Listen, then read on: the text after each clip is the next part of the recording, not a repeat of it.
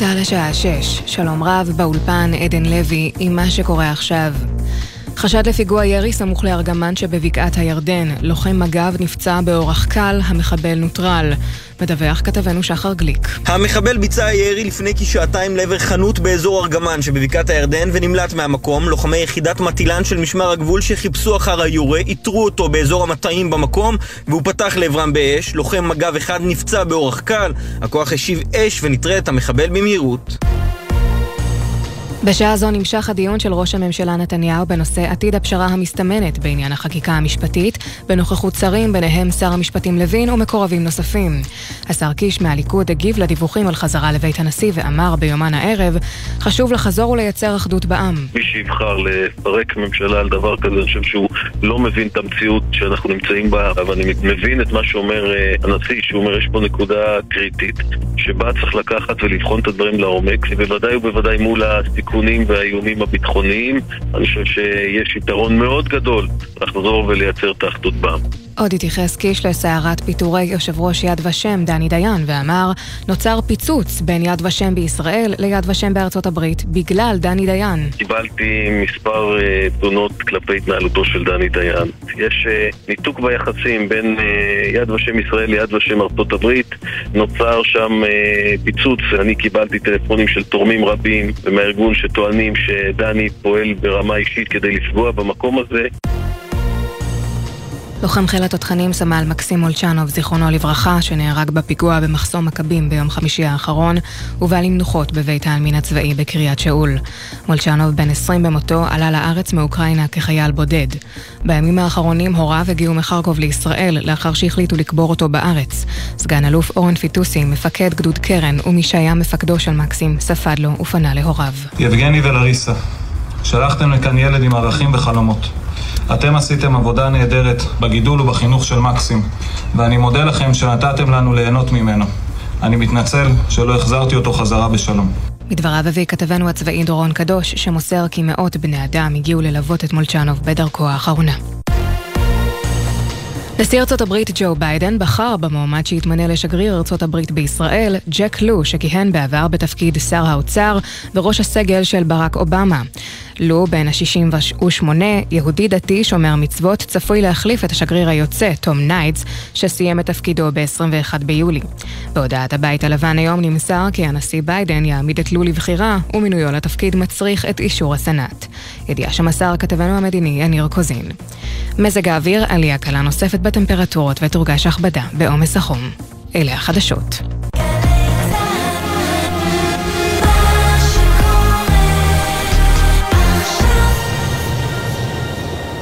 בחסות קרנות השוטרים והסוהרים המזמינה אתכם ליהנות ממגוון הטבות לשנה החדשה. 40% הנחה במגוון רשתות, מוצרי זהב ופרימיום פלוס, פרטים באתר קרנות. בחסות הפניקס סמארט, המעניקה עד 45% הנחה בביטוח המקיף. כוכבית 5432 או חפשו הפניקס סמארט בגוגל. כפוף לתקנון המבצע, הפניקס חברה לביטוח בע"מ. בחסות אייס, המציע לכם מגוון מבצעים לחג. היום ומחר, ארון שתי דלתות שבמבצע ב-299 שקלים. באתר ובסניפי אייס, חג שמח עכשיו בגלי צה"ל, סמי פרץ ואיתי זילבר עם החיים עצמם.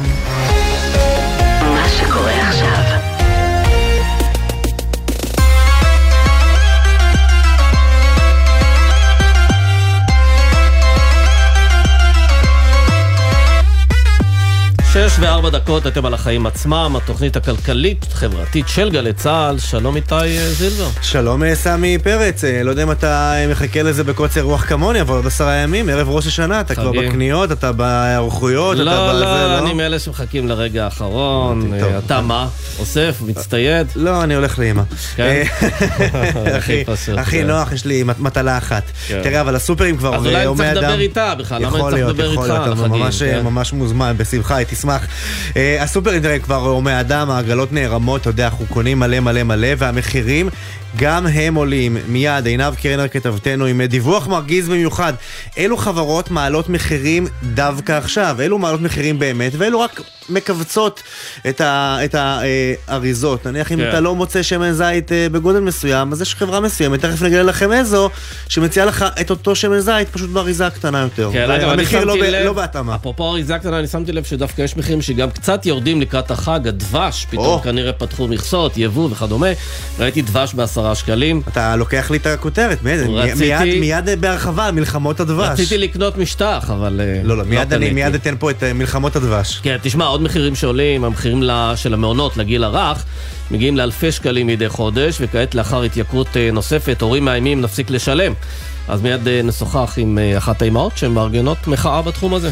נהיה גם עם ההאטה בענף הנדל"ן, היא משפיעה אה, גם על המתווכים, חלקם כבר לא מסוגלים לשאת את המצב ופשוט עוזבים את התחום, תכף יהיה איתנו מתווך נדל"ן כבר 23 אה, שנה אה, במקצוע ונבין ממנו איך נראה השוק היום ואיך שורדים כמתווך כשאין קונים. מצד שני, היו כמה שנים של חגיגות. אה, מי ששם בצד, מה שנקרא, בשנים אף אחד האלה... לא שם בצד אבל. לא שמים בצד? אף אחד לא שם בצד. כן, תשמע, אה, לקראת סיום בתוכנית, בעוד שבוע בדיוק חברת אפל תשיק את האייפון החדש שלה, האייפון 15, כמיטב המסורת, היא שומרת על אתה חשאיות. אייפוניסט, אתה אתה אני מתרגש? אייפוניסט, אבל מתרגש? האמת, אני מבחינתי תעצור עכשיו את כל השדרוגים ואת כל החקיקה.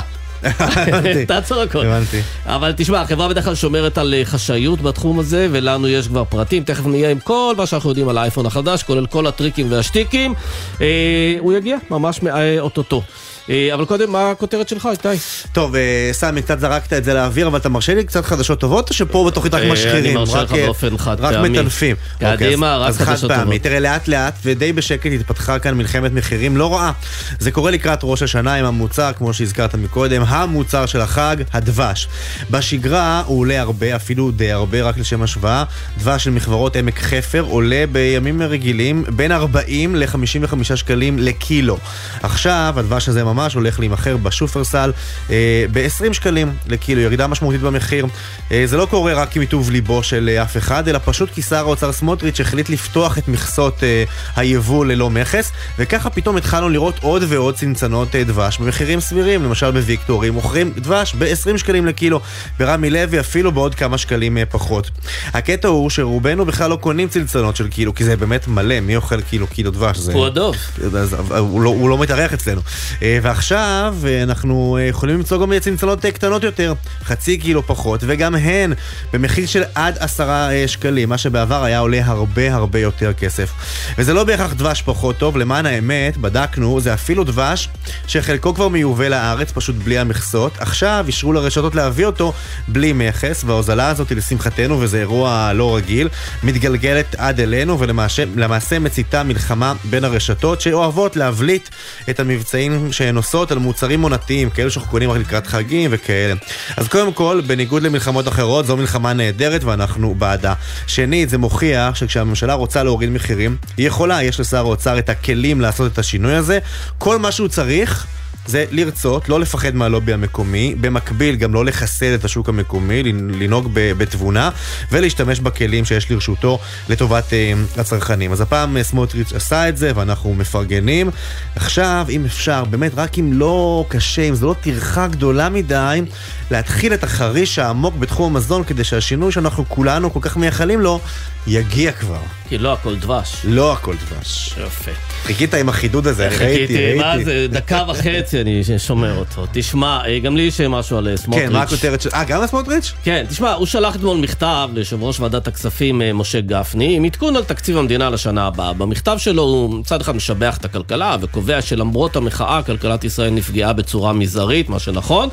ולדבריו, נתוני המקרו של ישראל טובים וחזקים, האיתנות הזו מתחדדת שבעתיים נוכח קמפיין שמנהלים גורמים חסרי אחריות שמנסים לפגוע בכלכלה באופן מכוון במסגרת מאבקם הפוליטי בממשלת הימין. ובתיקונים החשובים שהיא מבקשת להעביר במערכת המשפט הישראלית. אז uh, סמוטריץ' נחוש להוכיח שהאזהרות של מתנגדי המהפכה המשפטית שגויות, אבל הוא מתעלם מהעובדה שבשלב הזה רק חלק קטן של המהפכה המשפטית הזו עבר, ביטול עילת הסבירות, וגם זה אנחנו עוד נראה מה יהיה עבר, בבג"ץ. בוא, בוא. בוא נראה. נראה מה יהיה בבג"ץ. שמע, הוא גם מתעלם מכך שדירוג האשראי של ישראל לא ירד בין השאר משום שחברות הדירוג אומרות שהחברה הישראלית פה בישראל מתגלה כחזקה. בזכות המחאה זה לא ירד, זה כן, דבר שנאמר. ממש, אז כן. כדי לשמור על דירוג האשראי לא די בנתוני מקרו טובים, חברות הדירוג גם רוצות לראות שהמוסדות פה חזקים, שבית המשפט ובנקים מרכזיים, עצמאיים, שעיתונות ביקורתית ושיש אנשים שמוכנים להפגין ולהיות רסן על הממשלה. אז אולי הוא לא אוהב את המחאה הזו, אבל היא יותר עזרה לשמור על הכלכלה מאשר פגעה בה. אבל הוא לעולם לא יודע בזה. הוא לא יודע בוא, בזה. בוא, בוא אגב, אתה נגיד. יודע מה? זה נראה לי ויכוח שאנחנו ננהל אותו עוד הרבה מאוד שנים. אתה יודע מה? יאללה, בוא נתווכח. בוא, שעל זה נתווכח, על מה גרם למה, כן. אם המחאה אה, ניצחה או אם אה, זה. אנחנו בוא מתחילים. נתחיל. טוב, תכף ניכנס לכל העניינים אה, הכלכליים, אבל קודם אנחנו אה, עם האירועים הביטחוניים, פיגוע ירי בבקעת הירדן, אה, דורון קדוש כתבי לענייני צבא וביטחון, אתה עם העדכון, שלום. כן, שלום לכם, איתי וסמי. תראו, זה עדכון ממש מחצי השעה האחרונה על פיגוע ירי שאירע בבקעת הירדן, סמוך לצומת ארגמן. מוקדם יותר היום, לפני בערך שעתיים, אירע שם ירי פלילי לעבר אחת המסעדות בצומת, מפגש ציפורה, ואחרי שהירי הזה בוצע, כוחות הביטחון יצאו לסריקות כדי לוודא מה בדיוק היה מקורו. הם סרקו במטעים של בקעת הירדן שסמוכים שם לצומת ארגמן, ובמהלך הסריקות של לוחמי מג"ב שם, מחבל פתח באש לעברם. כנראה מדובר באותו חשוד שגם ביצע קודם לכן את הירי בצומת. והמחבל הזה שפתח באש הצליח לפצוע באורח קל לוחם משמר הגבול בידו. הלוחמים הגיבו באש ובאותה התקלות המחבל חוסל והלוחם כאמור נפצע באורח קל. הלוחם כרגע מקבל טיפול רפואי במקום והאירוע הזה נכון לעכשיו ממה שידוע לנו הסתיים. מדובר על מחבל אחד ככל הנראה. אה, כוחות ממשיכים עדיין לעשות סריקות אחר האפשרות שיש במקום חשודים נוספים אבל כאמור פיגוע ירי בבקעת הירדן עם לוחם מג"ב פצוע באורח קל. דורון קדוש כתבי לענייני צבא וביטחון, תודה. תודה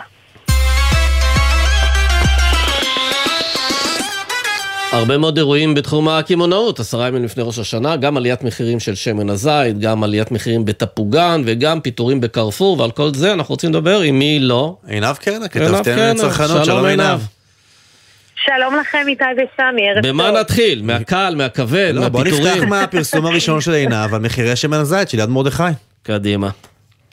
כן, האמת זה סיפור באמת מעניין, ככה בשקט בשקט מסתבר שברשתות השיווק אה, מוכרים אה, שמן זית אה, בכמות של אה, 500 מיליליטר.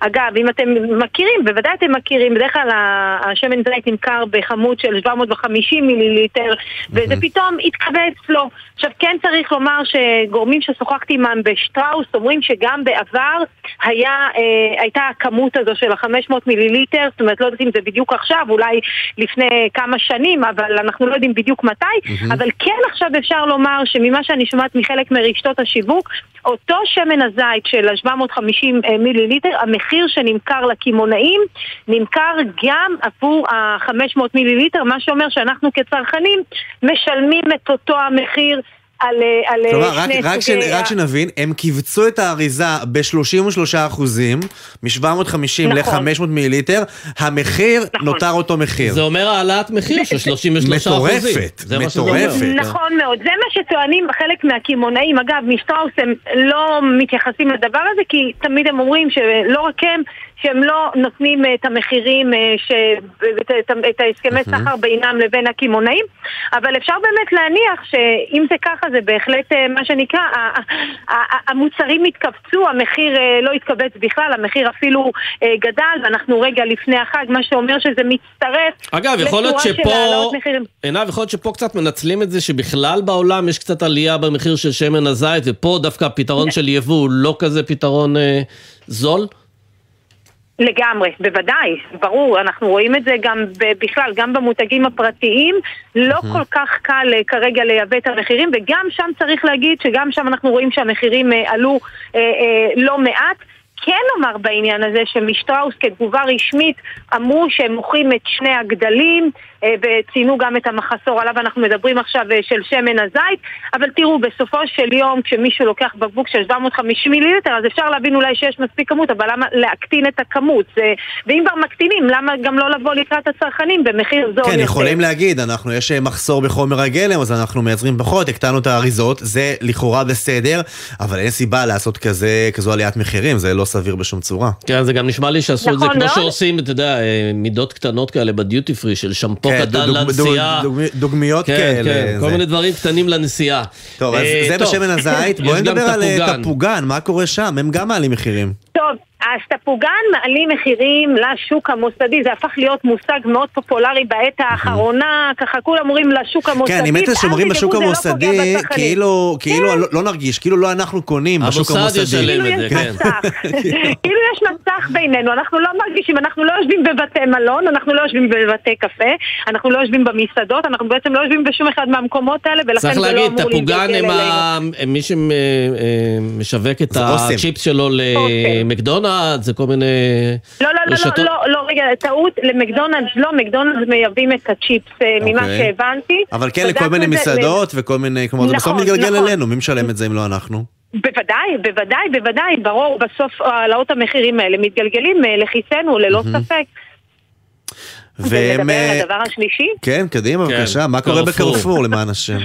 טוב, אז קרפור, תראו, אתם בטח אה, נחשפתם לדוחות גם של המחצית הראשונה וגם של הרבעון השני של השנה, עם הפסד של 138 מיליון שקלים במחצית הראשונה רק מקרפור. הסיבה לכך כאמור זה ההסבה של הסניפים של יינות ביטן אה, לרשת החדשה, וגם, לא, אגב, לא רק בהכנעה, לא, לא רק אה, אה, אה, אה, מבחינת ההפסד, כמו שציינו כרגע, גם הרווח הגולמי נשחק בצורה מאוד מאוד חדה, של יותר מ-7% ברשתות השיווק, זה סעיף מאוד מאוד חשוב מבחינת אה, כמה העסק אה, יציב וחזק, ואנחנו רואים שיש כבר את הסנונית הראשונה, את התגובה הראשונה שבאה לידי ביטוי בעובדי המטה של החברה, התחילו שם אה, גל של אה, פיטורים. בכמה אה, אנשים גם, מדובר? קודם כל מדובר בעובדים שהם יותר יקרים, אני מניח, מהעובדים שנמצאים בסניפים. נכון אבל בכמה עובדים על פוטרו?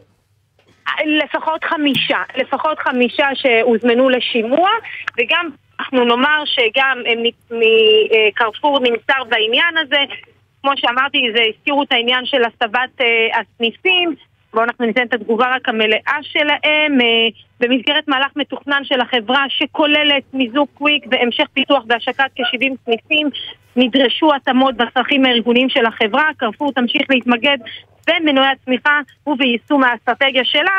עכשיו תראו, ברור. זה שלב ראשון של העובדים, ואתם יודעים, ברגע שחברה כן. מפסידה, בואו נקווה שזה גם לא יתגלגל. כן, לא, לא, יש פה- אבל לא, לא, צריך יש פה עוד עניין, זו חברה אבל- שרוצה גם להנפיק בבורסה, והיא רוצה קצת ככה לראות יותר טוב רווחים, לפני ש... זה לא זה, כן, אבל כן. צריך גם להגיד, קרפור אה, הושקע בחודש מאי, אם אני אה, זוכר נכון, אז ברור שהחודשים הראשונים של השנה היו לא טובים, השקיעו בהסבת סניפים, בשיפוצים, ברכש אולי, כלומר זה זה שלב ההשקעה, בואו נראה מה יהיה בדוחות השנתיים בחצי שנה שהם. פועלים. כן? יש כאן עוד נקודה שהרשת של, של, של קרפור, לפני שהיא נכנסה, אני מזכירה לכם שהייתה פה קול תרועה אה, אה, גדולה שאמרו זה יביא לתחרות, בינתיים אנחנו לא רואים תחרות אה, במחירים, נכון. גם המחירים של הרשת לא כל כך זולים, ולכן כן, לא ולי בטוח בעיקר מפריע, שרשתות- אה, לא רק שאין תחרות סמי מוטרד מספקת, מ- מ- מאיכות המאפים. לא, לא מאפים, שאין מספיק, אני רוצה לקנות גבינות צרפתיות, אה, ואין לנו. בסניפים של קרפור, טוב, אתה יכול למצוא לא ברמי לוי בסוף את. הגבינות בטיב האלה. טעם יש את בטיב האלה, ולא בדיוק. זה. עינב קרנה כתבתנו, טיסה נעימה. תודה. תודה. תודה רבה לכם, תודה.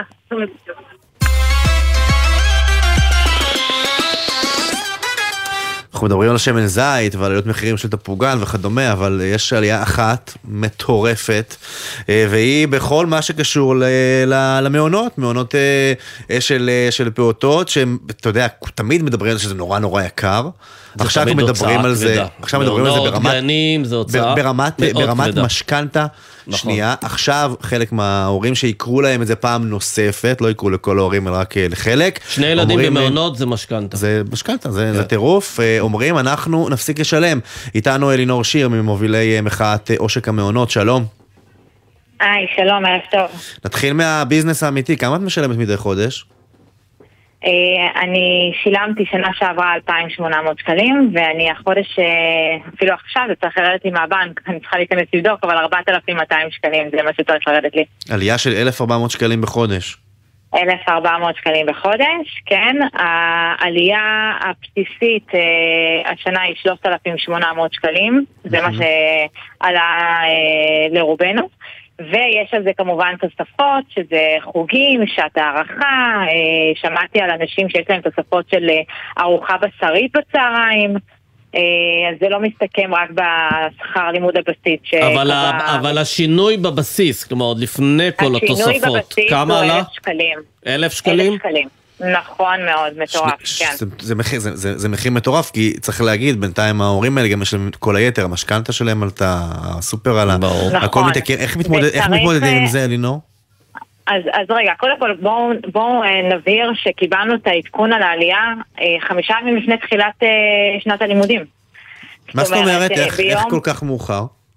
אז, אז אוקיי, אז uh, אנחנו הכנסנו את הקטנים בראשון לספטמבר ביום שישי, ביום ראשון קיבלנו אס.אם.אס uh, מהמעונות, אנחנו, יש מעונות שקיבלו את זה שבועיים, אבל שבועיים זה הכי מוקדם ששמעתי, uh, ופשוט שלחו לנו את הטבלה שמאושרת uh, על ידי משרד הכלכלה והעבודה. והודיעו לנו שיש עליית מחירים. רגע, באיזה okay. אוקיי? מעון מדובר בדיוק? אה, זה פרטי, חצי פרטי? מיני, לא, לא, לא, זה מעונות uh, מפוקחים של המדינה, שהמדינה מפוקחת, מדובר על תמ"ת, מדובר mm-hmm. על, uh, על זיק, מדובר על כל המעונות. זה, זה לא משנה כרגע, כי העלייה לא באה מטעמם, גם מטעמם, אבל העלייה היא בפועל היא מהמדינה. זאת אומרת שזה הדבר הכי אבסורד ש... שאפשר לשמוע. כן, ותגידי, אה, בדרך כלל כשמעלים מחירים, אז אומרים, התשומות גדלו, אנחנו צריכים לשלם יותר לאנשי צוות, השכר עלה וכולי, ומה נכון. הסבירו לכם, שמה הסיבה בעצם להתייקרות? אז אצלנו הודיעו שהמעון שלנו הופך להיות מתקינה בסיסית לתקינה מורחבת, שזה אומר שהוסיפו לנו עוד אשת צוות, שזה באמת מבורך. ותודה, mm-hmm. אבל שנה שעברה, כחלק מהתשלום של 2,800 שקלים שהייתי משלמת, היה סעיף של 135 שקלים שכל אחד מההורים היה משלם, שזה בגין עובדת אה, נוספת. זאת אומרת, אין לי מושג איך זה עלה בכזה הפרש. כלומר, כאילו, כבר שנה שעברה שילמתם עבור עובדת נוספת, עכשיו כן. הוסיפו עוד אחת וזה קפץ באלף שקלים. כן, אנחנו שילמנו אה, מתוך אה, בקשה שלנו ההורים להוסיף, mm-hmm. אוקיי? כל ההורים הסכימו. השנה זה הפך להיות משהו שבאמת אה, הוא הפך אה, לחוק, בוא נאמר את זה ככה. Mm-hmm. אה, מטעם המדינה, שצריך אה, סייעת נוספת על מספר ילדים. כן, אז רגע, אז את בעצם עם מובילות המחאה, הקמתם קבוצת פייסבוק, אבל מה אתם עושים במחאה הזאת? אתם יכולים להציף את העניין הזה? לאן המחאה הזאת יכולה להגיע? אז, אז קודם כל אני רוצה להגיד שהמטרה שלנו בעצם זה להעלות המודעות. אה, אם אנחנו שנייה נבין ששכר מינימום במדינת ישראל עומד על 5,500 שקלים, ושכר לימוד בסיס של תינוק שנכנס למעון יום זה 3,842 שקלים, mm-hmm. זה, זה פסיכי. אז שנייה רגע לעצור, וזה לא רק הורים, זה גם הורים לעתיד, שיהיה את המודעות הזו. הדבר השני, המטרה שלנו זה בעצם, בשלב הראשוני ובאופן מיידי, אנחנו לפני תקופת חגים, להקפיא את העלייה הזו. לא יעלה על הדעת שחמישה ימים, שבוע, שבועיים לפני תחילת שנת הלימודים, פשוט uh, יכניסו לנו יד לכיס ויקחו לנו כסף. זה לא כן. יעלה על הדעת. כשאני נרשמת רגע, בן מראש... כמה הבן שלך? אתה רוצה לשמוע משהו מצחיק? כן. הבן שלי אה, עכשיו אה, בן שנה וחודשיים. הטבלת אה, שכר אה, לימוד היא מחולקת לפי גילאים, אוקיי? Mm-hmm. הבן שלי נכנס בראשון לספטמבר בגיל 14 חודשים ושבועיים, והוא ישלם את המחיר הכי יקר, כי הוא לא נכנס בגיל 15 חודשים. הוא ישלם שנה שלמה נכון. על שבועיים, שזה מה שקורה, מה שקורה, עסקנו בזה פה ב"יהיה בסדר", גם בגל"צ, אה, רצו לתקן את זה, נשבע, זו התגובה הרשמית של משרד החינוך ושל תמ"ת, רצו לתקן את זה, אבל המערכות הממשלתיות לא ידעו לדבר אחת עם השנייה, והם העבירו את הבקשה, אותו רע מאוחר מדי. אתה אומר, בסטארט-אפ ניישן לא יודעים כן, לפתור כן, את זה כן, במערכות המחשב. ולא פתרו את זה ולא תיקנו, וזה אמור להיות מתוקן לקראת שנה הבאה. ובינתיים ההורים צריכים לשלם, גם אם הילד נולד, אה, הוא נכנס ללימודים, אה, לשנת הלימודים בגיל 14 חודשים ו-25 ימים, כלומר יש חמישה ימים הפרש, עדיין ישלם כן, כמו ואני לא יכול שלא להיזכר בקמפיין שהוביל ראש הממשלה בנימין נתניהו, של משהו עם אה, 0 עד חינוך 3, חינם נכון? משהו ב-0 עד כזה. 3. מה קורה עם זה באמת? אה, כן, מה קורה עם זה באמת? לא יודע. תגיד, אתם מנסים לפנות למישהו במערכת הפוליטית? אנחנו מנסים לפנות למערכת הפוליטית, אני יכולה להגיד לכם שאנחנו מוכנים להגיע למצב אה, של אה, פשוט אה, ביטול תשלומים למעונות יום. אני יכולה להגיד לך שיש כמות, באמת, פנו אליי כמויות של הורים שהוציאו ילדים מהגן, כי הם הבינו שזה לא משתלם להם כלכלית לצאת לעבוד. יש הורים שהעבירו ילדים שלהם ממעון מפוקח למעון פרטי, שמעון פרטי בהוויה שלו אמור להיות מעון הרבה יותר יקר.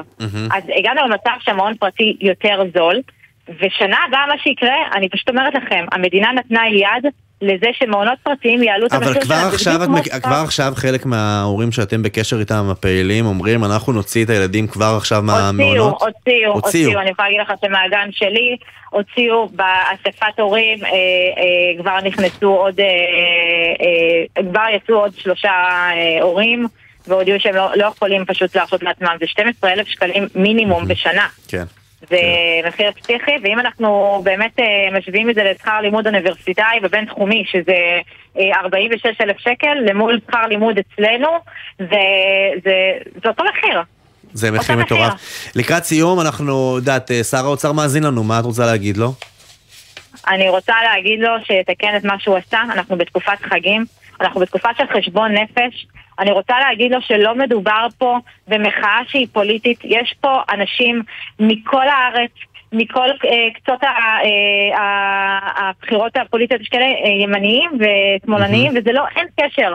אוקיי. זה פגע לנו אה, כמשפחה, כהורים, ואחר כך כאזרחים שהולכים לבחור בבחירות. אז תעשו חשבון נפש, תעשו הקפאה למה שאתם חשבתם שזה יעבור בשקט, וככה להכניס אה, את היד לכיס כמחטף חמישה ימים אה, ולא לתת להורים להתגנן, כן. זה ממש לא יעבור אוקיי. בשקט. אלינור שיר ממובילות אה, מחאת אה, עושק המעונות, תודה. תודה לכם שנתתם לנו את הבמה ותעלו את המודעות הזו.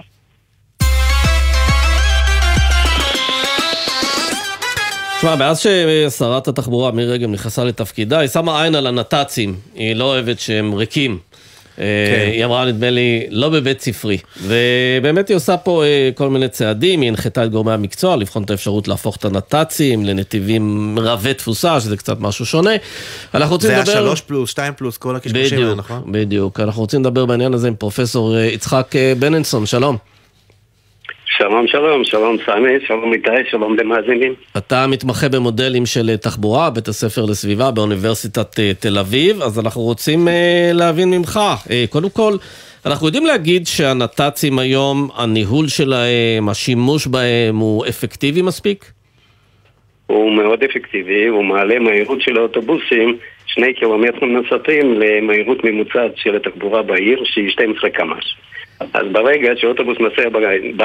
לאורך קו של האוטובוס יש מספיק נת"צים, הוא נוסע במהירות של 14 קמ"ש. ובאחוזים זה הרבה מאוד. זה אבל, זה, אני, אני, אני נוסע בדרך כלל עם הרכב הפרטי, אני נאלץ אה, להודות. זה כל ההבדל, שני קילומטר בשעה, זה ה... על זה אנחנו רבים? שני קילומטר בשעה זה 20 אחוז. אוקיי. זו תוספת משמעותית שנותנת לי, גם בעל רכב אה, פרטי, לחשוב אולי באיזשהו כיוון אני אקח אוטובוס, משום שאוטובוס מאבד לא מעט בגלל שהוא עוצר בתחנות. כן, לא, אבל אני שואל, יצחק, האם העובדה שיש נת"צים היא גורמת לאנשים להגיד, אני משאיר את הרכב הפרטי בבית, יש נת"צ, אני יודע שאם אני עולה על האוטובוס, הוא טס, הוא מקבל את הנתיב שלו, ואני אגיע הרבה יותר מהר אה, למחוז חפצי? במקרים מסוימים זה ברור כמו שמש, הדוגמה המצוינת זה מטרונית בחיפה. לכל אורך הקו יש לך נת"צ, ומטרונית נוסע, נוסע במהירות מטורפת 20 ומשהו קמ"ש, ושימוש במטרונית היא גבוהה מאוד, מאוד אינטנסיבית. אז כן. אנשים, למטרונית אנשים בהחלט עברו מכלי רכב, אין שום ספק. כן, אבל כשהיא אומרת, אה, השרה רגב, שהיא מבקשת לבחון את האפשרות שהנת"צ יהיה לא רק לאוטובוס או למונית, אלא ל... למכונית שמסיעה, שני, שני, שני נוסעים, שלושה נוסעים, זה גם ישפר את כבר המצב, קיים. או שזה כבר אה, יעשה פקק זה בנת"צ? כבר קיים, בכל נת"צ שאתם אה, אתם רואים אותו ברחוב, אתם רואים שרשום שם 2 פלוס, 3 פלוס. לא, אבל לא בתוך כן, העיר. כן, בתוך העיר אתה. לא רואה כל כך את הסידור הזה. בתוך העיר, משום שבתוך העיר אי אפשר לתפוס את הנת"צ. בתוך העיר נת"צים מלאים. אתה לא תוכל לנסוע באבן, סליחה, באבן גבירול זה גם דוגמה טובה, או בבן יהודה באוטובוס אם לא יהיה שם נת"צ. כל הנת"צים זה תוכנית אה, רבת שנים, זה תוכנית שככה נכנסת לפעולה ויותר ויותר נת"צים מזרזים את התנועה של האוטובוסים בעיר וחלק מהאנשים כן עוברים לאוטובוסים משום שלמשל אני גר קרוב אליכם אז להגיע למרכז העיר בלתי אפשרי ברכב, זה לוקח לי הרבה יותר זמן מאשר כל כלי תחבורה אחר, כל קינט. טוב, עכשיו פה, עכשיו פה יש לך את הרכבת הקלה, הרבה יותר נוח מתחבורת, מאוטובוס. נכון, אז אני למשל עברתי באופן מוחלט לקורקינטים בעיר תל אביב, אבל אם אני צריך לנסוע רחוק, אני לא יכול להשתמש בקורקינט. כן. אז עכשיו, לי יש מקרים שאני בהחלט עובר לאוטובוס למשל, יש לי אוטובוס, כל דבר פה צריך ללכת לפרטים קטנים. לא, זהו, אפרופו פרטים קטנים, יש דוח של מצוין, הרשות אתם לתחבורה... כן, יש דוח של הרשות לתחבורה ציבורית שעוסק בפקקים, כן. ורואים שם שדווקא יש אה, ירידה ברמת הסדירות של ההגעה של האוטובוסים. אה, ואז אתה אומר, אז רגע, אז אולי משהו בכל זאת עובד פה לא נכון, למרות שיש נת"צים. מה שקורה זה לא עניין של נת"צים, זה עלייה במספר כלי רכב פרטיים על הכבישים. מטרופולין תל אביב יכול להחזיק, בלי פקקים מיוחדים כמו שעכשיו, יכול להחזיק 4.5 מיליון אה, כניסות יציאות אה, במשך היממה. עכשיו אנחנו נמצאים במיליון מעל זה. מיליון כלי רכב שנכנסים יוצאים למטרופולין תל אביב ונוסעים בפנים, זה מה שעושה לנו פקקים. בלי נת"צים זה יעשה פקקים לכולם, ותחבורה ציבורית תהפוך להיות רק תחבורה לאלה שאין להם רכב ואין שום גישה לרכב. עם מישהו אחר, רק בא- באוטובוס אני יכול לנסוע, אני אסבול שם. עכשיו עדיין יש בסביבות 20% של האנשים שמשתמשים בתחבורה ציבורית למרות שיש להם רכב. ואם נת"צים מתפסים כמו בכל העולם, האחוז, האלה, האחוז הזה יעלה. כן, אגב, יש עוד רק לעניין אחרון. אנשים משתמשים בתחבורה הציבורית למרות שיש להם רכב. כן, עוד עניין אחרון לסיום, אנחנו יודעים שבנתיבים שבהם נוסעים שלושה פלוס או שניים פלוס, אין אכיפה באמת. אין אכיפה, אין כלום. איך פותרים את הבעיה הזו? אז אה, זאת באמת בעיה, ולא מעט אנשים אה, נוסעים שם ואתה עומד בפקק ואתה מסתכל אה, שעל עצמך איזה פראייר אני שלא עושה כמוהו אז אה, צריך לעשות, את האכיפה זה דבר, אה, דבר די, די סטנדרטי, די פשוט ויש מקרים לא מעטים שיש לך מצלמות אבל... לא, הבעיה שהמצלמות לא יכולות, אה, לא, לא. המצלמות לא יודעות להגיד אם יש אנשים ברכב אה, נוספים, כי אם זה פלוס שתיים, אז מספיק ש... כן יכולות להגיד. הם לא מצליחים, דיברנו זה- פעם עם משרד התחבורה, אמרו לנו אין טכנולוגיה שיכולה לצלם ככה, שאנחנו נדע אם יש נהג פלוס שניים ברכב. יש לי טכנולוגיה אולי יש שני- בשביל זה. אולי- יש שני תינוקות מאחורה, יש מי לי יודע? רעיון. כן, תשקול- בבקשה. תשקול את המכונית, אם היא היא כוללת יותר משלושה נוסעים, היא תשקול יותר. אה, יופי של רעיון, יופי של רעיון. או שסתם ישים ג'ריקנים כן, בבגז. יש כל מיני אופציות לספור אנשים ככה בצורה כן, כזאת. או אחרת, לא בהכרח כך או כך צריך להגיד את האמת, הזיגזג זה- הזה במדיניות- תחבורה ציבורית בישראל, שפעם שר אומר ככה, ואחרי שנתיים שר אחר אומר ככה, ואז שר הבא ועושה הפוך, זה לא לא נצליח להתקדם ככה. הם זה לא- נכון- נכון גם בחינוך. זה נכון- נכון בכל מה שקשור נת"צים, לתשתיות. כן. כן. ופשוט צריך להמשיך איתה, ואני אני די מאמין שככה זה יימשך, משום אוקיי. שתוספת של ביטול של נת"צים כמעט ולא ישפר מצב למשתמשי רכב פרטי. כן, אבל הוא בהחלט אנחנו אה, אה, את יותר המצב של ה... לא, אנשים פשוט וזה יקנו יותר יסתיים. מכוניות, ברור. פרופסור פרופס- יצחק בלינסון, תודה רבה. תודה רבה לכם. אנחנו אה, נצא להפסקה של פחות משתיים וחצי דקות, ואחריה שלל דברים. גם ו- מתווכים, גם. תלושי מזון, גם וגם- תעשייה אווירית שחוגגים בענק. חוגגים בענק, נדבר עם המנכ"ל, וגם האייפון החדש, מה. צפוי להיות בו? תישארו איתנו, כבר חוזרים.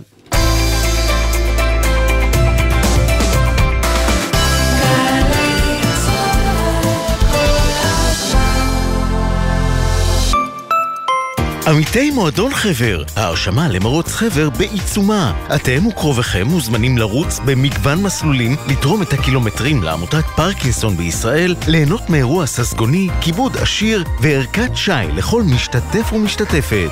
20 באוקטובר, גני יהושע תל אביב. ההרשמה באתר מועדון חבר.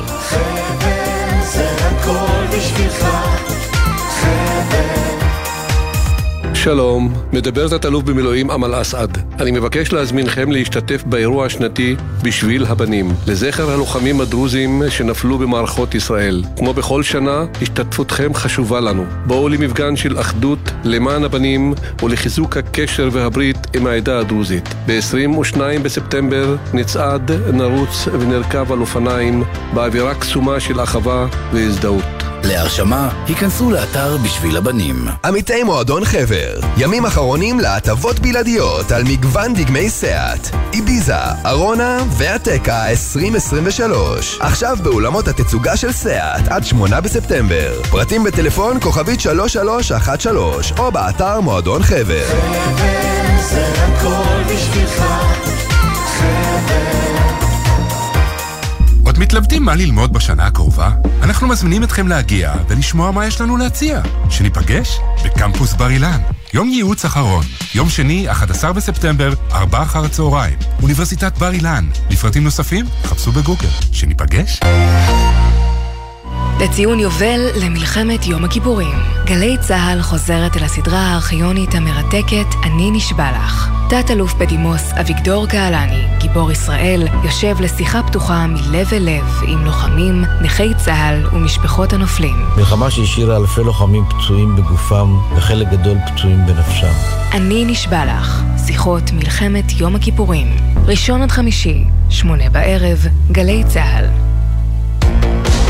עכשיו בגלי צה"ל, סמי פרץ ואיתי זילבר עם החיים עצמם.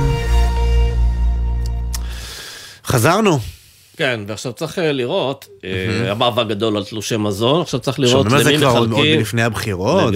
זה- סאגה שהולכת הרבה אחורה. מי יעשה לנו סדר בזה? יובל מילה, כתבתנו, אלה מי, שלום. שלום, שלום, מה שלומכם? טוב, אז סוף סוף יש קריטריונים שאם אנחנו מבינים נכון, אושרו. אז מי מקבל את תלושי המזון החדשים? נכון, אז בעצם הקריטריונים האלה הם אה, לא חדשים, אבל הם, הם רשמיים והם הולכים ללוות אותנו אה, בשנת 2023 ו-2024. אז, אז הזכאים לתלוש הגבוה ביותר, שזה תלוש עד 2,400 שקלים, אה, יהיו מי שזכאים להנחה של 70% בתשלום ארנונה, אה, 300 ש"ח עבור כל הורה ו-225 שקלים עבור כל ילד, אבל אנחנו מדברים בעיקר על משפחות מרובות ילדים, ולא בהכרח משפחות שזקוקות, שנזקקות למענק הזה, שזה בעצם הצליח לעורר ביקורת מאוד מאוד חריפה מצד אה, משרד האוצר, הוא לא, לא תמך במנגנון הזה בכלל, אה, וזה, המנגנון הזה משאיר מאחור קצת אה, אימהות חד-הוריות, הן זכאיות למזונות, אה, שזכאיות למזונות והן יקבלו רק עד 1,050 שקלים, אה, שזה הפרשים מאוד מאוד גדולים, אם אנחנו מדברים על ניצולי השואה, הם רק חמישית מהניצולים שזכאים ונמצאים באי ביטחון תזונתי יקבלו את התווי מזון הללו. כן צריך להגיד, אנחנו מדברים על 400 מיליון שקלים שאושרו אה, למען הדבר הזה, שבוע וחצי לפני אה, תקופת החגים. כן מדובר בצעד משמעותי, באירוע מאוד מאוד משמעותי, אבל והם ביקורת מתחייבים חריפה. שזה באמת, מתחייבים באמת שזה יגיע לפני החגים לאנשים שנזקקים? אז זהו, אז היום בדיון בוועדת, אה, אה, בוועדת הכספים, אז באמת התחייבו שזה יגיע לפני, למרות שקיימו את הדיון הזה ממש ברגע האחרון, כן? אנחנו מדברים על אה, איך זה איך יגיע שבוע לפני? וחצי. זה עוד שבוע וחצי, זה, אנשים כבר קונים, זה צריך לקבל לפנות לעירייה, הרי בגלל שזה דרך משרד הפנים, אז העיריות מחלקות את זה, אז זה אבל זה בעבר מנגנון כבר מטורף. חילקו את זה, כבר היה להם מנגנון לזה. כן, אז אבל אתה יודע, לא, אני לא רואה את זה כן. קורה לפני, לפני החגים, כן, עם, כל ש- עם כל הרצון הטוב, בהנחה שיש כזה. אז, אז מנסים אה, להישען על, ה, על, ה, על האירוע שכבר, זה לא משהו חדש, כלומר המנגנון הזה, הוא התחיל מתקופת הקורונה. נכון. זה פשוט, אה, זה רק מעמיקים ומקבעים את הדבר הזה, אם- אבל זה אם- משהו שהוא... אם מישהו מאזין לנו עכשיו ואומר, אני מעוניין, והוא קצת הולך לאיבוד בטבלאות, למי הוא פונה? אז, אה, אז, זה גם, אה. אז, אז זה, גם פה זה מאוד מבלבל, כי לכאורה הייתי אומרת לך שהדבר הכי טבעי זה לבנות, לפנות למשרד הרווחה, אבל התקציבים הועברו למשרד הפנים, כך שזה מאוד, גם, גם בסיפור הזה מאוד uh, מבלבל, אז מהמם. כן הייתי ממליצה uh, לפנות, אני מניחה שנציגי uh, משרד הרווחה כן ידעו לתת את המענה בסיפור הזה, אוקיי. אה, אבל יש ביקורת חריפה מאוד על המנגנון הזה, הוא כן צפוי אה, לעבור, כלומר, ברמה המשפטית אין, אין, אין שום בע- בעיה במנגנון הזה, אבל יש המון אוכלוסיות שנשארות מאחור, המ- משפחות שלא זקוקות לקבל את הסלים האלה וכן יקבלו, אה, אוקיי. ושבוע וחצי לפני החגים זה... יש, יודע יש מה? כאלה שזה כבר גם- מאוחר מדי גם אם עבורם. יהיה להם לסוכות, או לארוחה המפסקת של כיפור, יאללה, בסדר. לגמרי. יובל- יובל מינה כתבתנו, תודה. תודה. תודה רבה. אתה יודע שיש תוכניות שבהן חוגגים יום הולדת בהפתעה למישהו. או. אז אנחנו נחגוג יום הולדת, אבל לא למישהו. לא כזה בהפתעה גם. כן, לתעשייה האווירית שחוגגת 20, 70 שנה להיווסדה, אנחנו רוצים לדבר עם בועז לוי, מנכ"ל התעשייה האווירית, שלום. שלום רב. מברוק קודם כל. תודה רבה, תודה, יום חג. אז זהו, יום חג, שכרתם פה את מיטב אומני ישראל, נועה קירל, ברי סחרוב, ריטה, איתי לוי, מירי מסיקה, נינט טייב ועילי בוטנר, והשאלתי, רגע, כמה... אודי כגן, אודי בר. רפאלי, ארז טל, אל אל לגמרי. תקמט. אל ת- ואוכל ועניינים. הם לא חסכו, אז למה שאתה תחסוך? לא, זהו, אבל אני רוצה לשאול את בועז לוי, כמה מל"טים צריך למכור כדי לכסות את עלות האירוע הזה? ברשותכם, לא זאת השאלה. תעשייה אווירית חוגגת 70 שנה להיווסדה. זו אוקיי. תעשייה שההיסטוריה שלה והמעשים שלה שזורים בהיסטוריה של מדינת ישראל. היא עובדת לכיוון ביטחון מדינת ישראל, אבל גם הכלכלה של מדינת ישראל. אנחנו מעסיקים 15 אלף עובדים ו-50 אלף בתי אב במדינת ישראל ניזונים. זאת חברה ממשלתית, אבל רווחית, שמגלגלת חמישה מיליארד דולר בשנה, עם צבר הזמנות גדול ועם רווחיות טובה. כמה הרווחיות, השנה- כמה הרווח הנקי שלכם? הרווח הנקי שלנו שפורסם בחציון האחרון, 215 מיליון דולר, אם אני זוכר טוב? זה היה הרווח הנקי של השנה שעברה, כולה, והשנה אנחנו מציגים רווחיות אפילו קצת יותר טובה. כן. ו- ובסך הכל כשאנחנו מסתכלים על אה, חברה מהסוג הזה שחוגגת את ה-70 שנה בשנה כזאת, צריך לעשות אירוע לעובדים, והאירוע הזה כולו מוקדש רק לעובדים, וכן הוא אירוע גדול, כי מדובר ב-15 אלף עובדים ובני זוגם, ובאירוע כזה שצריך להכניס אה, למעלה מ-30 אלף איש. קשה למצוא מקומות אחרים בארץ חוץ מפארק הירקון. אז שכרתם. את גני יהושע, את פארק הירקון. שכרנו את גני יהושע. לא ראית שיש שם תצוגה, טילים לא, אני אגיד לך, בוא, אז וכיפות ברזל, בג- בגדול, לא? תראה, אין ויכוח על כך שזו חברה מצליחה מאוד, חשובה מאוד, אגב, עוד- עוד לפני- הכלכלה, רגע, שנייה, חשובה- חידה, איתי, איך קראו לחברה הזו בראשית דרכה, אתה יודע? לא יודע, לא הייתי. בדק. בדק? נכון. רגע, אבל אתה יודע, זו. חברה, זו חברה חשובה מאוד. אני, אני שם את החשיבות הכלכלית שלה בצד, כי החשיבות שלה היא קודם כל ביטחונית, זו, זו האמת, עבורנו. ובעקבות ההצלחה אה, של אה, הייצור הביטחוני, גם אה, יש אה, עסקאות טובות אה, בעולם, גם יש עסקת, עסקה לא קטנה. וכל כל הזמן אנחנו רואים עסקאות שלכם. ועדיין נשאלת השאלה, אתם חברה ממשלתית. כלומר, כל הכסף הזה שיצא על רשימת האומנים הבלתי נגמרת הזאת, ועל גני יהושע, ועל מופע של מאות רחפנים זוהרים, ועוד עניינים, ואני אפילו לא שואל כמה אוכל ועניינים, זה כספי ציבור. זה לא כספי ציבור. אם אה. רשות החברות תרצה לק- תרצה לקחת אה, דיבידנד, תיקח דיבידנד, זה כסף, זו חברה ממשלתית, זו לא, חברה ששייכת למדינה. המדינה לוקחת דיבידנד, וכל חברה בישראל עושה אירועי חברה לעובדים שלה. גם אנחנו עושים את זה, והשנה אנחנו עושים את זה בגדול. אני חייב להגיד, זה אירוע תוכן. רוב המופעים פה הם מופעים שהעובדים הכינו, העובדים מצולמים בהם. באמת, יש חלק מהאומנים שהגיעו לעבוד ביחד עם העובדים שלנו. אבל זה אירוע תוכן שבעצם מציג את ההוויה של החברה. וכן, יש גם בידור, כי מגיע.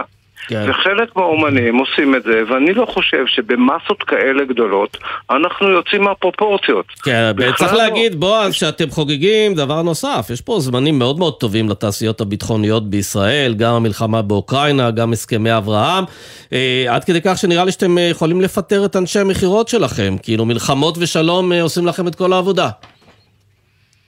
אנחנו באמת בתקופה טובה, השנה פרסמנו את התוצאות של החציון הראשון של השנה, זה החציון הכי טוב שהיה לתעשייה האווירית. אה, העולם כרגע באמת אה, נמצא בתנופה של הצטיידות, וגם אנחנו נהנים מזה, אבל אה, אנחנו צריכים להסתכל לבאות, אנחנו מקלקלים את מעשינו בתבונה, והחברה, התעשייה האווירית צומחת, והיא לא צומחת רק השנה, היא כבר צומחת מספר שנים. ומגיעה באמת להישגים של חברות על בעולם. אגב, אתם מצפים אה, שאם יהיו, אה, אם יהיה איזשהו הסכם נורמליזציה עם סעודיה, גם זה יהיה איזה סוג של מנוע צמיחה, כמו שראינו עם המדינות של הסכמי אברהם, שרבע מהייצוא הביטחוני הולך אליהן? אנחנו, אה, כמו שציינת, הסכמי אברהם מנוף כלכלי אדיר, מנוף עסקי אדיר לתעשייה האווירית. וכל מדינה שמצטרפת להסכמי אברהם, יש פוטנציאל אדיר לשיתוף פעולה איתם, כיוון שסל המוצרים שלנו בתעשייה האווירית מתאים לכל האיומים שנמצאים באזור שלנו. אבל זה משהו שהדרג המדיני כן. לוקח אה, בשעה שהוא, אה, נקרא לזה, לא במשא ומתן ישיר, אבל מול האמריקאים, שהם בזמנם מול הסעודים, זה משהו האמריקאים שלוקחים אותו בחשבון? למכור הרבה סחורה ל- לא, לסעודיה. השאלה אם, אה, השאלה אם גם הדרג המדיני שלנו אומר, אז בואו נדאג שנמכור גם תעשייה אווירית. אז הדרג המדיני שלנו אומר בואו נמכור גם uh, מוצרי ביטחון של כל התעשיות הביטחוניות ואני צריך לפרגן פה לכולם ואני חושב שללא הדרג המדיני עסקאות בסדר גודל כזה לא קורות אנחנו מדברים על מערכות נשק מתקדמות, אנחנו מדברים על מערכות אסטרטגיות, אלה המוצרים של תעשייה אווירית, ולכן הגוף שמוביל את התהליכים האלה זה המערכת במדינת ישראל, המערכת הממשלתית במדינת ישראל. לא, כן, אבל זה עוד לא נלקח בחשבון במשא ומתן שמתקיים אה, באמצעות האמריקאים אה, אה, מול סעודיה למשל, או שכן. אני לא מעורב במשא ומתן הזה, אבל בהחלט, במידה ויהיה אה, נורמליזציה והסכם עם אה, הסעודים, אני יכול להניח שגם אנחנו נהיה חלק מהתהליך. כלומר, ישראל תמכור אה, מוצרים לסעודיה. של התעשייה האווירית, נשק או הגנה, אה, לסעודיה. בהנחה נכון, שיהיה הסכם. ו- ואני מניח שכן, והכל כמובן בהיתרים של משרד הביטחון. ואם זה נשמע לך מופרך, איתי. כי אתה כן. קצת צעיר, אז ישראל בעבר מכרה הרבה מאוד מערכות נשק לאיראן. ראינו מה נסגר עם זה. כן. לכל מי שחושב שלתת אה, גרעין לסעודיה זה אולי רעיון טוב. אה, בועז לוי, מזל טוב, רבה 70 שנה לתעשייה טוב. האווירית. תודה רבה, תודה. ביי, להתראות. ביי. תראה, אנחנו מדברים פה הרבה מאוד על הנדל"ן, על הריביות, על המשכנתאות, על ההאטה. בנדל"ן, על זה. שאנשים פחות קונים, על זה שיש אולי פחות משכנתאות וכו' וכו', אבל יש עוד אה, צלע במשולש, אה, האמת יש עוד. הרבה צלעות, יש נכון, נכון. בנקים ויש שמאים, הבנקים- ויש גם מתווכים. אבל אני מכיר אותך, לבנקים אתה פחות דואג. לא דואג. למתווכים אנחנו דואגים קצת יותר, איתנו אה, אלעד גורל, מתווך נדל"ן, הבעלים של סוכנות מר נדל"ן, שלום. שלום וברכה, ערב טוב. איך אתם מרגישים את ההאטה שיש בה, אה, נניח, חצי שנה האחרונה בשוק הנדל"ן? קודם כל, אתם ממש מקסימים שאתם בדאגה מלאה למתווכים, זה ממש יפה מצידכם. תכף נדבר על האחוזים שאתם לוקחים, אל תדאג. אין שום בעיה, אתה יכול להתקיל אותי חופשי. איך אנחנו חווים את ההאטה? אין ספק שבמהלך החודשים האחרונים, למעשה מעל אה, חצי שנה, אפילו קצת יותר, היקף הביקוש אה, בשוק הנדל"ן, לפחות באזור בו אני פועל, הרצליה, רמת שרון, רעננה, היקף הביקוש ירד במעל 50 אחוז. לצד זה, אנחנו עדיין ערים לעובדה שההיצע עדיין מאוד מאוד נמוך. זאת אומרת, עדיין לא משתחררים כמויות של נכסים בצורה כזאת שיכולה לגרום לאיזושהי ירידה יותר משמעותית מבחינת מחירי הדיור. למה? כי זה אומר שהמוכרים אומרים, אני לא אמכור עכשיו, נחכה, אבל. נחכה למה? שתרד הריבית, אנשים יחזרו לשוק. תודה רבה. אנחנו תכף גם נגיע לזה ולמה אני חושב על, ה- על הסיטואציה הזאת. שוב, לצד כל אלה אני כן יכול להגיד שאנחנו מדברים על שיווי משקל, מה שנקרא פשוט, כלכלה פשוטה, ביקוש והיצע. אין ספק שהביקושים ירדו, יחד עם זאת, כמו, ש... כמו שכבר צוין, ההיצע נשאר יחסית נמוך, ולכן אין התרסקות של המחירים בשוק הנדל"ן. אבל אתה יודע. שבנק ישראל, שאתמול הודיע שהוא משאיר את הריבית אה, בעינה, אה, גם, 4.75. גם, לא, גם אמר שהיא עשויה לעלות עוד אה, בחודשים הקרובים. ואז נשאלת השאלה, האם אתה צופה שלשוק ייזרקו נכסים של אנשים שלא יצליחו לפרוע את המשכנתה שלהם? אנשים שירצו להיפטר מהדירות. נכון, אז אין לדעת, יחד עם כל אלה, נתקלת בכאלה? נתקלת בכאלה? מוכרים לחוצים מ- כאלה? מעט מאוד מאוד מאוד מאוד, מעט מאוד, כי באזור שאני פועל בו כרגע אנשים מסתבר יש להם כסף. אני אתן לכם דוגמה קטנה למה אני מתכוון. אין ספק שלזוגות צעירים שלקחו משכנתה לפני שנה, שנתיים, שלוש וכן הלאה, שלקחו אותה בריבית כמעט אפסית ביחס למה שיש היום, המחירים או ההחזר החודשי שלהם עלה בצורה יחסית גבוהה עד רמות של בממוצע כאלף שקל וללא מעט משקי בית, זוגות צעירים, גם האלף, אלף חמש מאות שקל, תלוי מה גובה המשכנתה שהם לקחו, יכול להיות מעמסה גבוהה. כן אני עד לעובדה, גם בתוך היחסים שלי והוותק שלי, בשיחות שלי עם אה, יועצי משכנתאות כאלה ואחרים, שיש לא מעט הורים שסוגרים לילדים את ההלוואות או את חלקן איפה שלמשל אין איזשהו אה, קנס יציאה, ואז מצמצמים את חבות את המשכנתה.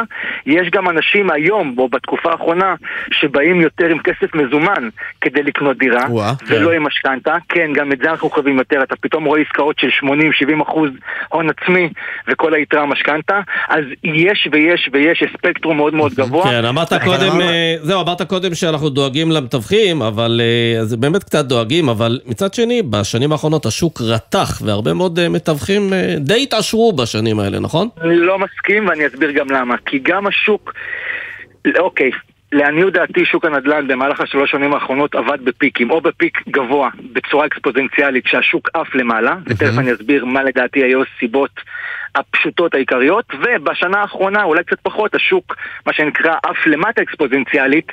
לא, אה, אבל אתה אומר, אתה אומר. שהייתה ירידה של 50% בהיקף העסקאות, זה אומר ש-50% הכנסה שלכם ירדה. איך שורדים את זה אם אתה לא אוגר מזומנים בכל השנים המאוד מאוד שבעות שהיו?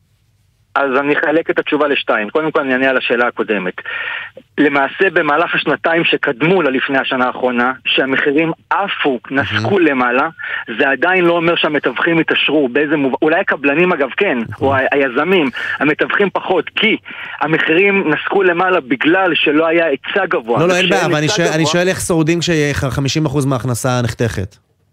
יפה, אז אוקיי, כמו בכל ענף, יש את הטובים יותר ויש את הטובים פחות. יש את ה-20 אחוז, 80 אחוז. אותם 80 אחוז שמתגלגלים כל הזמן, חלק מהם לא שרדו את התקופה הזאת במשך השלוש שנים האחרונות, כי גם השנתיים לפני זה היו קשות, כי לא היה הרבה עסקאות ולא היה הרבה סחורה למכור, אז זה כבר התגלגל מלפני שלוש שנים, והיום כן, אנחנו עדים לעובדה שיש לא מעט סוכני נדל"ן שלא מצליחים לשרוד את התקופה הזאת, שלא מייצרים הכנסות במשך כמה וכמה חודשים טובים, ויחד עם זאת גם לא רואים איזשהו אופק, כפי שציינתם, הריבית עוד עלולה לעלות, ואז הם מתייאשים ופורשים. זו תקופה שמסננת ענפים מסוימים, לרבות את שוק תיווך הנדל"ן.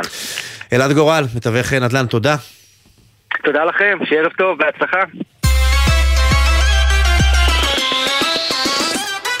האייטם הבא מיועד למעריצי אפל? כן, הבטחנו. אני משתמש, לא. יכול להגיד שאני מעריץ. אז אתה לא מעריץ, בסדר, אתה רק משתמש, אבל אנחנו הבטחנו ואנחנו נקיים כל. מה שאנחנו יודעים על האייפון החדש שיושק ממש בעוד אה, שבוע, שבוע ושעה אם תרצו להיות מדויקים. איתנו אביב אה, סביון, אה, מומחה לענייני אפל, שלום. ערב טוב לכם ולמאזינים. אז מה הצפוי? תגיד, איזה חידושים אפל תביא לנו, או שעדיף כבר להישאר עם הדור הקודם? בואו נתחיל מהסוף, לא נראה מהפכה. אז באמת, כמו שאמרתם, בעוד שבוע ושעה אפל תציג את ארבעת מכשירי רגע, האייפונים אביב. האייפון שלך נשמע לא משהו, אז כן, בוא כן, תשפר כן. עמדות רגע. או שתשדרג את האייפון. כן. או-אה, או-אה, מה אתם אומרים? אוקיי. עכשיו אתה אוקיי, נשמע הרבה יותר את, טוב. אה, עברת לאנדרואיד עכשיו, אני מבין. אפל, אפל תשיק עוד שבוע אה, ארבעה מכשירים. בסדרת האייפונים 15, זה אייפון 15, 15 פלוס, 15 פרו ו-15 פרו מקס. ההבדלים העיקריים שיהיו, אה, מסך שיותר יימתח מקצה לקצה, הדברים הקטנים שאנחנו מכירים, מעבד יותר מהיר, סוללה יותר טובה, מצלמה יותר טובה, ולראשונה, בדגמי האייפונים, המחבר טעינה יעבור מחיבור ה Lightning שיש היום לחיבור ה-Type-C. או. בעצם האיחוד האירופאי כפה על אפל להעביר את המחבר הזה כדי אה, כלומר, בעצם השאלה האלמותית, למי יש אה, מטען לאייפון, ששואלים פה במשרדים אה, כל שלוש דקות בממוצע. תיעלם מהעולם עם השנים. בדיוק, ממש ככה. אני אישית לא כזה מתלהב מהרעיון, אבל... גם שיהיה- אני לא, אתה יודע למה? כי זה- לי זה נראה רק איזה טריק לגרום לנו לקנות עוד כבלים. להפך, אתה יכול קונה להיות אחד צודק. וזה מלווה אותך לנצח, או שאתה יודע, אתה פתאום לא צריך מטען לכל דבר, ל- ל- מטען לאיירפודס ולאייפד ולאפל ולזה, יש לך מטען אחד להכל. אביב, זה לא טריק מנגד- למכירת כבלים? מנגד נגיד שכבר אפל מ-2016 בכל המחשבים שלה ורוב דגמי האייפדים כבר תומכים ב-Type-C, כרגע מה שנשאר לנו זה רק האייפונים ואוזניות, אבל באותה השקה בעוד שבוע אפל תציג לא באמת דור חדש, אלא דור מתקדם ל-AirPods Pro, אוקיי. שה case שלו עכשיו יהיה גם עם מחבר Type-C ולא Lightning. עכשיו באים, הרגע קניתי איירפודס עם ה Lightning המטופש הזה, עכשיו קונים, מביאים לי חדש? ראית מה זה, כבדו עליך. תגיד. מעבר לכך אנחנו נראה שעונים חדשים, Series 9, סדרה 9, שזה אותה גברת בשינוי אדרת, ודגם המשך לאולטרה, בעצם אותו שעון שהושק רגע, לפני אביב, שנה יושבים בכל אנשים. עכשיו אה, בפקק, מפנטזים על האייפון? החדש, כמה זה יעלה בכיס? כמה כמה כסף נצטרך להיפרד? אז אין לי בשורה טובה ומשמחת אה, השנה. לא חששנו. אפל תעלה את המחירים כמעט, גם ככה המכשירים האלה הם יקרים, ואפל תעלה כנראה את המחירים עוד יותר. משמע, לא רק שבחו"ל המחיר יעלה, גם בישראל. להערכתי, דגמי הפרו יתחילו בישראל, שוב להערכתי, אני לא באמת יודע מה יהיה. דגמי הפרו בישראל יתחילו באזור ה-5,600 שקלים. שוב, זה מחיר מטורף, זה יותר כן, משכר מיני, זה כן, כן. ממש לא, מטורף. ותגיד, ועוד יעשו את הטריק הזה של לשכנע אותנו לקנות אייפון 15 באמצעות החלשת הסוללה של האייפון 12, 13 ו-14?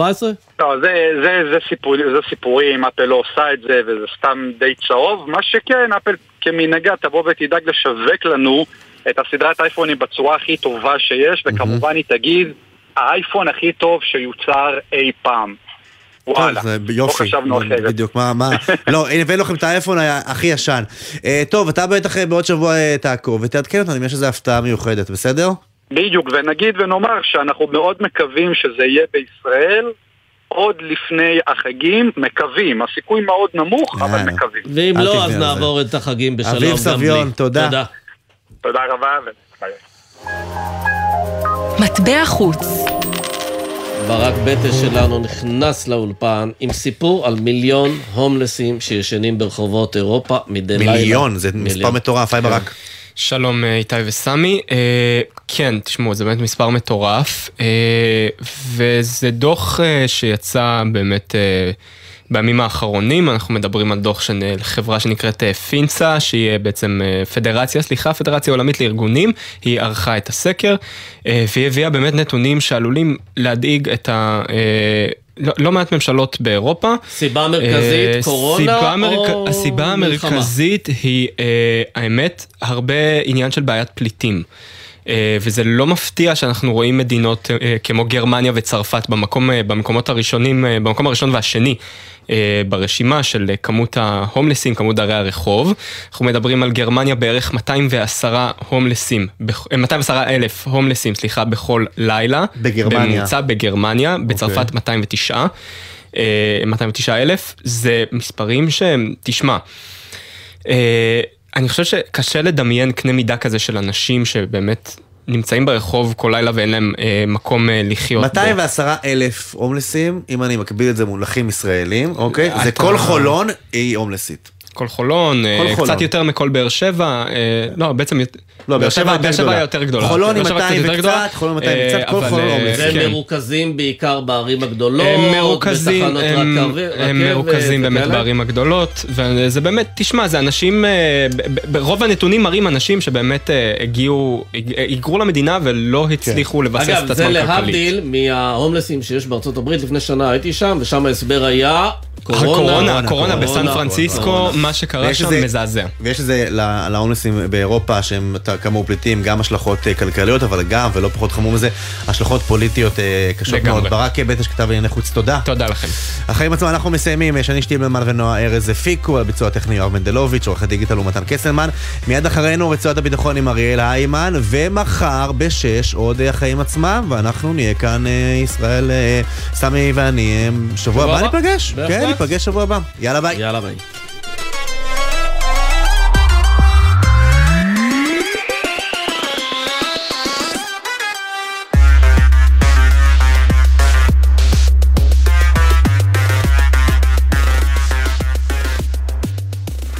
בחסות הפניקס סמארט, המעניקה עד 45% הנחה בביטוח המקיף. כוכבית 5432, או חפשו הפניקס סמארט בגוגל. כפוף לתקנון המבצע, הפניקס חברה לביטוח בע"מ.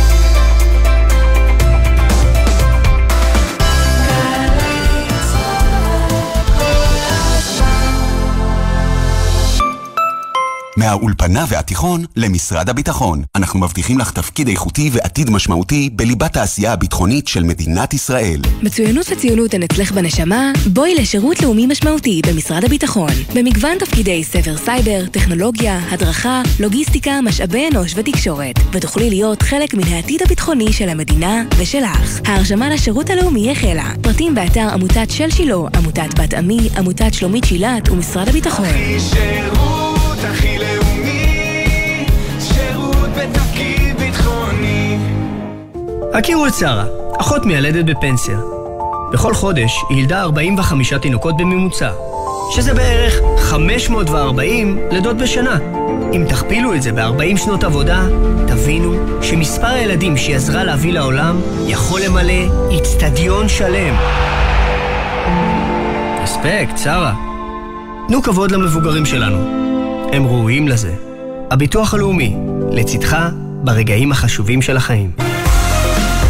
עמיתי קרנות השוטרים, אסום נדל"ן, הבונה בשכונת הבוסתנים החדשה בשדרות, ומציעה לעמיתי קרנות השוטרים מחירים ותנאים בלעדיים על מגוון דירות. לפרטים היכנסו לאתר קרנות השוטרים או חייגו כוכבית 2061. קרנות השוטרים קודם כל בשבילך לא צריך להיות מכונן כדי להבין שבסביבת בית ספר חייבים להקפיד על נהיגה זהירה. נהגים, עם החזרה ללימודים, שימו לב לילדים בדרכים. בסביבת בתי ספר, גנים ומגרשי משחקים, האטו ותנו זכות קדימה להולכי הרגל.